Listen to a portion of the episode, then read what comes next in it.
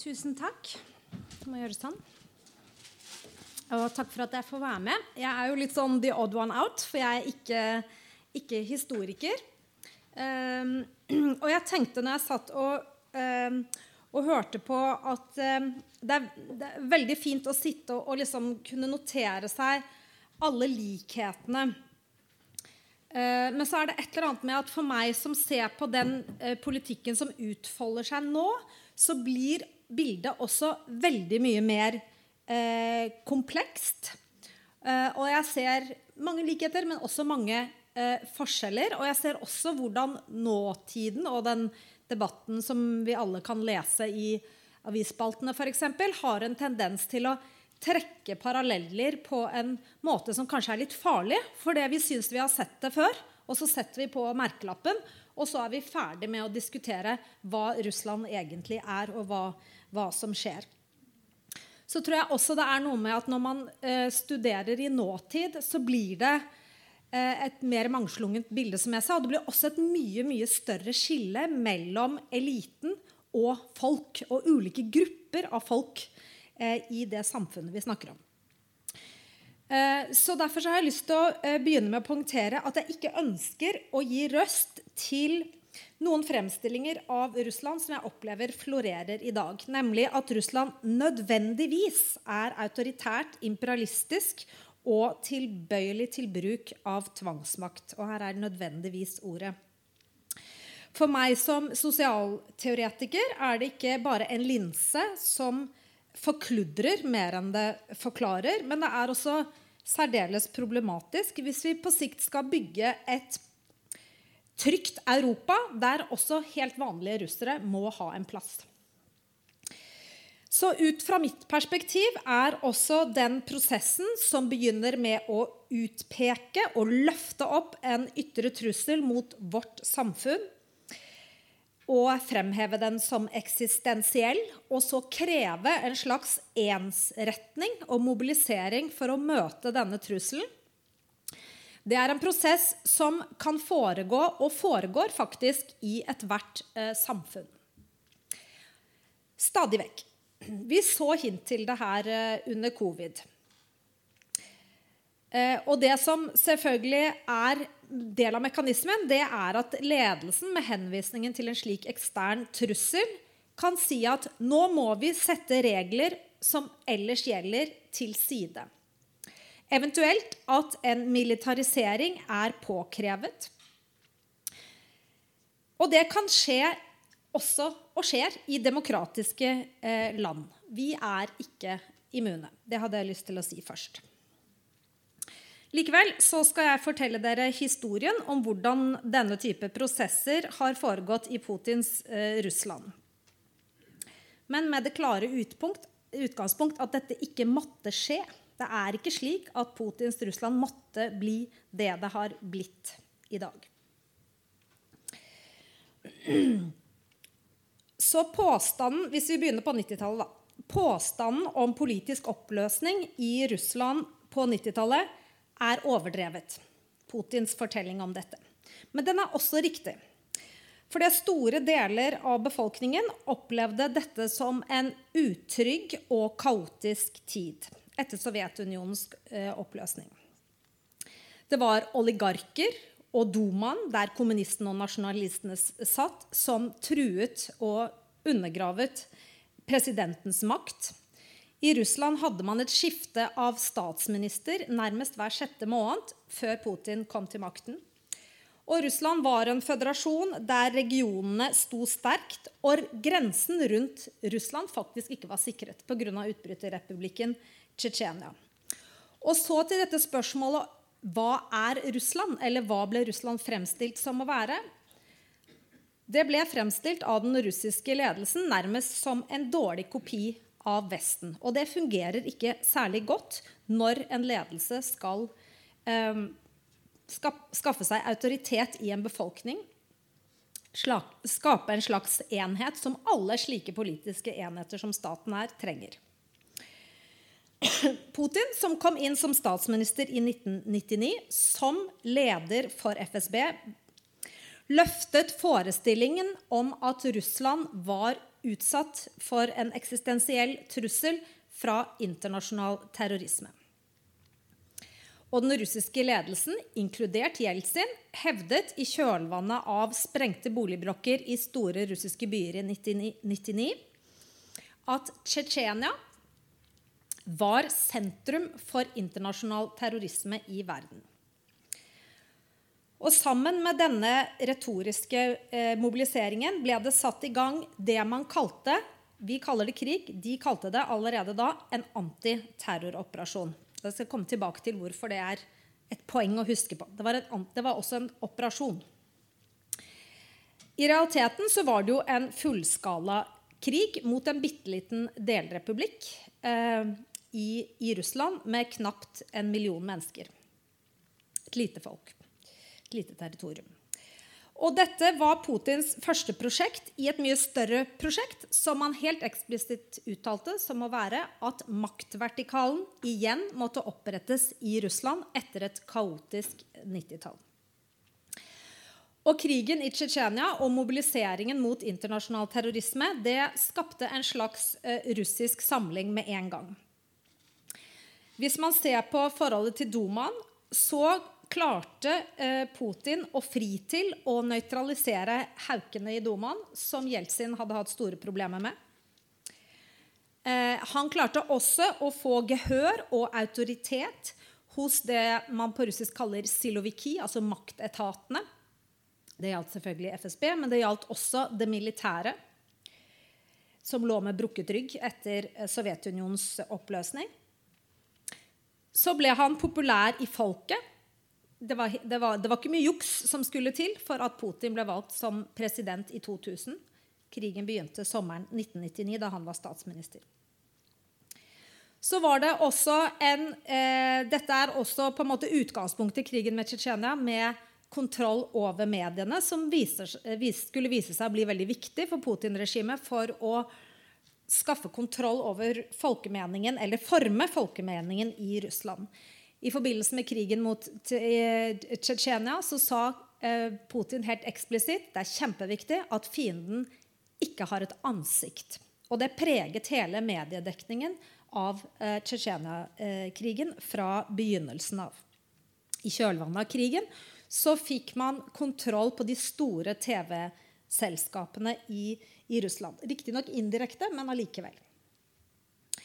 Sist Eh, men ikke minst, og for det vi skulle snakke om eh, fiendebilder og eh, militarisering, så var det denne fortellingen om hva Russland egentlig er. Og jeg vet ikke om Putin egentlig artikulerte så godt hva, Putin, eh, hva Russland var på dette tidspunktet, men han sa i klartekst og igjen og igjen at de, disse ytre fiendene, har alltid forsøkt å bringe oss til knærne, og vi reiser oss hver gang. Så et veldig tydelig eh, fortelling om angrep som gjennomsyrer Putins retorikk i alle år etter eh, krigen mot Tsjetsjenia. Og krigen mot Tsjetsjenia er en slags prototype på hvordan eh, Russlands, militariseringen av Russland Hvis vi skal kalle det det. Jeg er ikke så sikker på om militarisering egentlig er et passende begrep. Jeg kommer tilbake til det. Men det første er dette behovet for å kalle det for en, en eh, antiterroroperasjon som vi kjenner igjen fra dagens krig mot uh, Ukraina. Det er en liten operasjon, og det, det, det viser hvordan Putin er en FSB-person. Uh, Eller han, han, har et tankesett. Du kan fikse ting med en liten, hemmelig uh, operasjon som du, egen, som du, kaller noe mye mindre enn det det kanskje er, på, på fordekt vis så er det også typisk for Putins kriger at det er et eh, eh, formelt ferniss på det. Det er denne blandingen av lovløshet og samtidig stadige referanser til eh, eh, det russiske lovverket. Og så er det at Russland alltid kopierer Vesten. Antiterroroperasjoner, selv om dette er før 2001, så var det noe USA holdt på med allerede da. Og det er typisk for Russland at de kopierer dette. Antiterroroperasjoner er legitime, eh, legitim bruk av militærmakt. Det siste elementet er dette at alle skal med. For dette er ikke et altså et rasistisk prosjekt på noen som helst måte. Det er interessant med alle tekstene som jeg har vært gjennom i forbindelse med krigen i Tsjetsjenia. Dette dreier seg ikke om å utslette tsjetsjenere. Det dreier seg om å utslette terrorismen. Og det er jo ganske logisk, fordi at Russland er et uh, multietnisk og multikonfesjonelt samfunn. Og stat og en russisk leder er nødt til å ha dette i mente hele tiden. Det vi også kan merke oss fra Tsjetsjenia-krigen, som vi kjenner igjen i dag, er kanskje den veldig svake militære ytelsen. For det var ikke slik egentlig at Russland vant i eh, Tsjetsjenia-krigen, som begynte i 1999. Nei, det var slik at de måtte opprette dette Kadyrov-regimet for å få kontroll på Tsjetsjenia. På tross av at det var et bitte lite territorium. Og ikke minst for å vinne tsjetsjenerne tilbake eh, eh, til Russland et spørsmål om hearts and minds. Så eh, Perioden fra 1999 til 2003 er preget av internasjonal terrorisme som en felles eksistensiell trussel mellom Russland. Som vi nå må minne oss selv på, det oppsto et partnerskap mellom Russland og Vesten i kampen mot internasjonal terrorisme tidlig på eh, 2000-tallet. Eh, og dette veldig sterke trusselbildet, både i Russland og i USA, utløser eh, først militarismen i Russland, men så selvfølgelig det jeg vil kalle eh, den amerikanske militarismen, eh, som vi ser i Afghanistan, og så med krigen eh, mot Irak. Men krigen i, i Irak ble slutten på, på partnerskapet for eh, Putins Russland. Fordi man var ikke enig i at dette var en kamp mot internasjonal terrorisme. Snarere hevdet man at det å fjerne Saddam Hussein ville skape terrorisme. Dessuten så ble jo ikke Putin tatt med på lag. Så her er vi igjen inne på skuffelsen. Dette med at vi blir ikke regnet med. Vi, ikke, vi blir ikke gitt vår rettmessige plass. Intervensjonen i USA gikk utenfor FN. Og eh, Russland ble ikke konsultert i det hele tatt eh, før den eh, ble satt i gang. Og jeg vil si fra dette tidspunktet så eh, i russisk i, i, i, Kremls retorikk så fremheves Russland og Vesten som den egentlige trusselen. Og vi så det veldig godt når Putin skulle kommentere på terroraksjonen i Beslan, som dere sikkert alle sammen husker. Da kommer det nemlig en påstand om at ja, denne internasjonale terrorismen er, er ikke den egentlige, eh, eh, den egentlige, trusselen. For bak disse terroristene i Tsjetsjenia, i Kaukasus, så står det noen andre. Og de forsøker å utnytte internasjonal terrorisme for å ta en bit av vårt land. Og For meg var referansen helt klart. Dette dreier seg om vestlige krefter som da støtter og spiller opp eh, under separatismen i, i Russland Eh, med den hensikt å ramme Russland. I tillegg får vi to andre hendelser på dette tidspunktet, nemlig det Russland kaller for fargerevolusjoner i Georgia og eh, Ukraina, som vi selvfølgelig har fremstilt som folkelige opprør mot korrupte regimer, men som fra Kreml ble sett på som vestligstøttede eh, opprør og revolusjoner. I tillegg så begynte en eksplisitt demokratikritikk fra eh, Bush-administrasjonen sin side, som Putin nok tolket som en slags utidig innblanding i interne anliggender. Så projiseringen av Vesten som trussel var der fra ganske tidlig av. Men jeg tror for et vestlig publikum så ble det ikke eh, Sa jeg Vesten eller Russland? Ja, Projiseringen av, av, USA og, og, Vesten som trussel ble nok ikke lagt merke til eh, før i 2007. Da holdt Putin en tale i München som jeg ser veldig mange refererer. Det, det, det ser man på som, som eh, starten på eh, ja, projiseringen av denne, denne trusselen. Og det ble iallfall eh, enda tydeligere, tror jeg, med krigen i Ukraina i 2008, hvor det riktignok er slik at Saakashvili utløser det første skuddet for å ta tilbake kontrollen over de to utbryterrepublikkene eh, i, i, Georgia. Og kanskje med den tanken at han faktisk ville ha eh, vestlig støtte i en eventuell krig med eh, Russland. Det fikk han jo ikke. Eh, men sett fra um, Kremls ståsted så var det i alle fall en slags Vestens mann man så i, i Saakashvili. Og man så for seg at hans vestvending ville kunne lede til et Nato-medlemskap. Og det var jo ikke så rart heller, for i Bucarest i 2008 så ble det sagt at Ukraina og Georgia eh, kan ikke få membership action plan. Men en gang vil også disse to statene bli medlemmer av Nato. Det Russland også sa, og dere husker hva som skjedde Russiske styrker rullet inn i Georgia helt, nesten helt ned til Tiblisi, men trakk seg så eh, tilbake. Eh, men i kjølvannet så gjorde de noe som nettopp illustrerer dette med kopiering av USA og Vesten. For de sa at disse utbryterrepublikkene, Sør-Osetia og Abkhasia, de er uavhengige stater.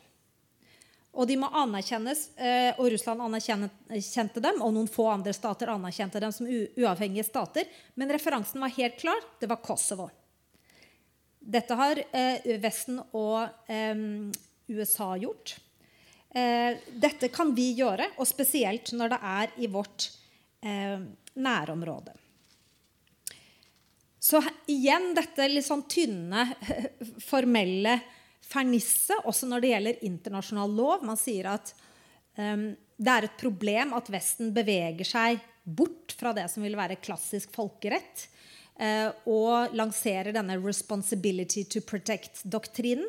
Samtidig uh, så skifter man. Og når du ser på retorikken i forhold til krigen i Georgia, så sier man ja, men dette er den nye internasjonale praksisen nå.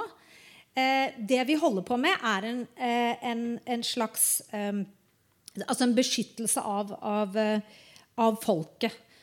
En, en, slags humanitær aksjon. Med krigen og med anerkjennelsen av disse republikkene i etterkant. Men jeg vil si at frem til 2011-2012 er denne trusselprojiseringen og speilingen av Vesten og USA som en trussel eh, primært en del av Kremls utenrikspolitiske spill. For husk på, dette er en periode hvor oljeprisen stiger hele veien. Og Putin har egentlig ingen innenrikspolitiske utfordrere. Sånn at den innenrikspolitiske autoritære tendensen er ikke, ikke veldig, veldig sterk på dette tidspunktet. I 2011-2012 blir det imidlertid alvor for Putin-regimet på hjemmebane. For han har vært en enormt populær eh, president. Og plutselig så opplever han at den type demonstrasjoner som han har, vært, han har observert i disse fargerevolusjonene i det postsovjetiske området, de skjer i, i, store russiske byer. Så dette er et vannskille i eh, historien, slik jeg ser det. Fordi mobiliseringen av den ytre fienden blir et instrument for å holde nede den relativt begrensede opposisjonen mot Putin. Kneble sivilsamfunnet og ensrette opinionen. Det interessante med disse demonstrasjonene er at når Putin blir spurt hvem er det egentlig som står bak disse demonstrasjonene, som ble utløst av at Putin og Medvedev bestemte seg for bare å bytte plass, og de sa det lenge før valget, i tillegg til at det var masse åpenbart valgfusk. valgfusk. Det var det som utløste demonstrasjonene. Men da Putin ble spurt hva som var årsaken, så sier han bare det er Hillary Clinton som står bak.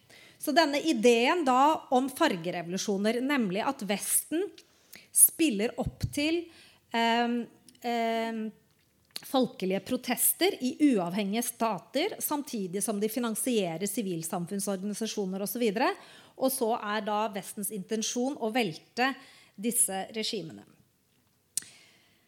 Så dette året eh, er det året de første fremmede agentlovene kom på plass. Det har dere sikkert hørt om alle sammen. De får jo stadig nye utgaver. Sist uke fikk de enda en ny og strengere versjon. Eh, men dette er altså det, det, første året de innføres, i 2012. Og det blir f.eks. kjempehøye bøter for å demonstrere i, i, i, Russland. Det er også på dette tidspunktet jeg vil si at regimet begynner å jobbe veldig bevisst med å artikulere en, en russisk identitet eller en, en, en, russisk nasjonalisme. Og et, forsøker å gi den et mer positivt innhold, selv om det er ganske vanskelig når du samtidig skal forsøke å holde på alle gruppene innad i føderasjonen. Så det vi hører i Putins tale fra 2012, det er at han begynner å betone det russiske språket, den russiske historien og det russisk-ortodokse kirke osv. Det han også helt klart uttrykker, er uh, Russland som en egen sivilisasjon.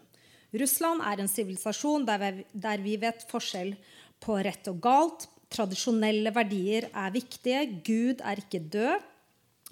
Og hele dette er også interessant å se i kontekst av er dynamikken her en intern russisk dynamikk, eller er det en dynamikk Russland mot eksterne aktører? Og hele poenget med å snakke opp denne eh, sivilisasjonen, eh, slik jeg ser det, er jo nettopp å skape en motsats til eh, Vesten. Fordi at det, Russland er egentlig ikke altså Tradisjonelle verdier står egentlig ikke veldig sterkt i et ganske atomisert og materialistisk vil jeg si, russisk samfunn eh, skapt på, på, på 90-tallet. Men poenget er altså å skape en motsivilisasjon til det man eh, snakker fram som et hyperliberalt og dekadent Vesten. Og så er det da Kremls spinnmaskin, som jeg kaller det, eller propagandaapparat, for å skape oppslutning om, legitimere eh, regimets politikk den videreutvikles definitivt eh, fra, fra, dette året. En slags masseproduksjon av fortellingene om hva Russland er, hvordan Russland er truet, og hva som eh, eh, må gjøres. Vi snakket om litt, litt, i pausen her. Det som allikevel er veldig, veldig spesielt, da, eh, det er at denne spinnmaskinen den, den, spyr ofte ut ganske ulike og litt selvmotsigende eh, fortellinger. Eh, og det blir jo et problem eh, for Putin-regimet, f.eks. med den krigen de nå holder på med. Ja. Og så vil jeg si at hvis vi skal bruke dette begrepet militarisme om det russiske samfunnet, så er det et slags nytt vannskille som kommer i 2014 med annekteringen av Krim og intervensjonen i Øst-Ukraina. Og det kommer i kjølvannet av en lignende type retorikk, nemlig at Maidan er en slags vestlig instigert fargerevolusjon, og at Vesten får sin mann på toppen. Så vil man sannsynligvis få en, eh, en vestvending eh, med tilknytningen til EU, eh, og med et potensielt Nato-medlemskap, i tillegg til at Russland vil kunne miste Svartehavsflåten osv. Så, videre. så denne fortellingen er på en måte en videre, videreutvikling og ganske, ganske gjenkjennelig. Men så dukker det også opp noen andre eh, eh fortellinger under annekteringen av, av Krim. Og Det ene er denne hva skal vi kalle det, den mer imperialistiske fortellingen som dukker opp med at plutselig så begynner man å bruke ordet Novorazia, som er en betegnelse for deler av, av Russland som var del av det russiske eh, imperiet. Så det var en måte å si at ah, ja, deler av Øst-Ukraina er egentlig del eh, av Russland.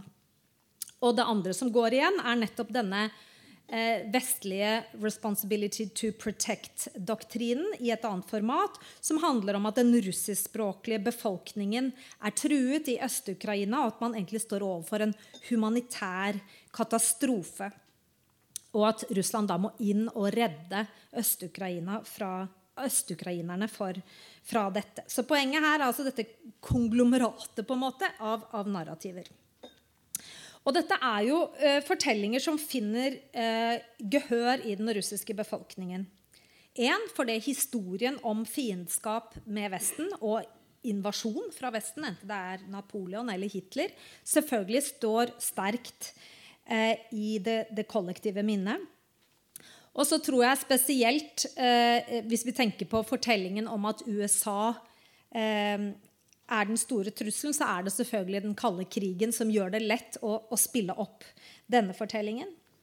Og så tror jeg også at det berører russere at eh, russere behandles dårlig eh, i Ukraina.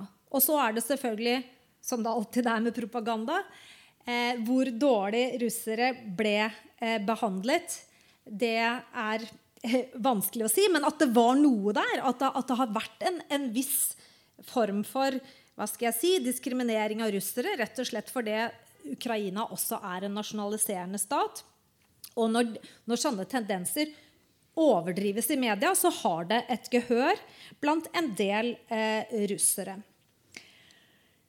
Og så ikke minst dette med Nova Razia og påstanden som på russisk heter Krymnasj, altså hele den historiske fortellingen om hvordan Krim egentlig er russisk, det var eh, et type appell som fungerte veldig godt i visse ganske brune eh, miljøer internt i Russland. Så må det bemerkes at etter eh, denne begynnelsen på Ukraina-krigen, altså i 2014, så, var, så, forsøkte Kreml å vingestekke en del av disse mer hva skal vi si, eh, nynazistiske og russisk-nasjonalistiske miljøene. Nettopp fordi man eh, egentlig vil kontrollere eh, den eh, agendaen selv. Eh, og fordi det ikke passer inn i det vi kan kalle Putins forsøksvise statsnasjonalisme, som altså skal hegne om altså Som skal få med også eh, muslimene, f.eks. Så jeg har studert eh, legitimeringen av intervensjonen i Syria, som kommer i 2015. Og da ser du plutselig at dette russisk-nasjonalistiske tankegodset det er tonet ganske godt ned. Snarere så, eh, så heves det frem at Russland pga. Eh, sin spesielle kjennskap og historie når det gjelder islam, er, eh, er en legitim aktør i Russland Midtøsten. De, for, de, forstår Midtøsten på en annen måte enn det f.eks. USA gjør. Så i kjølvannet av eh, annekteringen av Krim blir Putin-regimet enormt populært. som Man kaller den, den så, for Krim-effekten. Putins rating går fra 60% til 80 etter annekteringen av Krim. Samtidig så eh, forsøker man å militarisere og mobilisere det russiske samfunnet rundt myten om sovjetborgernes offer, kamp og seier over eh, nazismen under den andre verdenskrig. Og jeg tenker en viktig ting her hvorfor, hvorfor det overhodet er mulig å mobilisere rundt dette traumet. Vi må ha helt klart for oss at det var 27 millioner sovjetborgere som døde under andre verdenskrig. Og det betyr at alle familier har et slags traume, nedarvet traume, knyttet til den eh, krigen.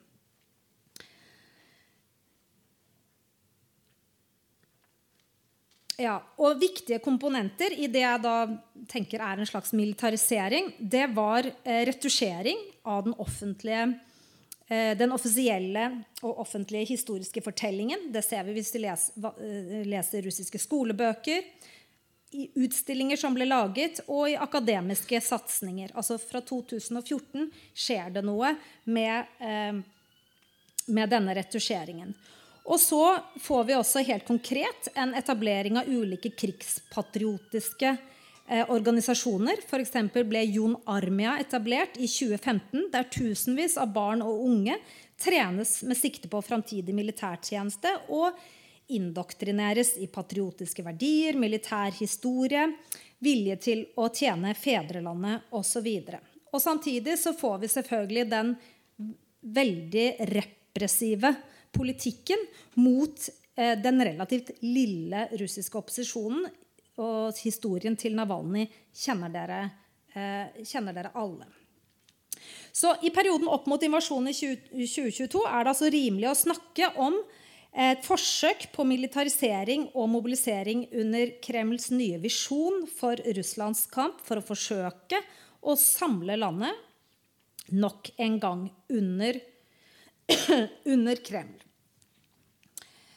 Den nye fortellingen om at Russland er en stormakt under angrep på linje med Nazi-Tysklands invasjon under andre verdenskrig, ble på en måte detonert med angrepskrigen som begynte i februar i år. Og det husker dere sikkert også alle. Da påsto Putin at man måtte denazifisere og eh, demilitarisere eh, eh, Ukraina. Og I tillegg så kommer disse tidligere fortellingene, nemlig at man må beskytte befolkningen i Donbas fra folkemord. Og hva skal jeg si, imperiefortellingen rulles videre. Ukraina er ikke egentlig en selvstendig stat. Den ortodokse kirke har egentlig menigheten sin i hele Ukraina.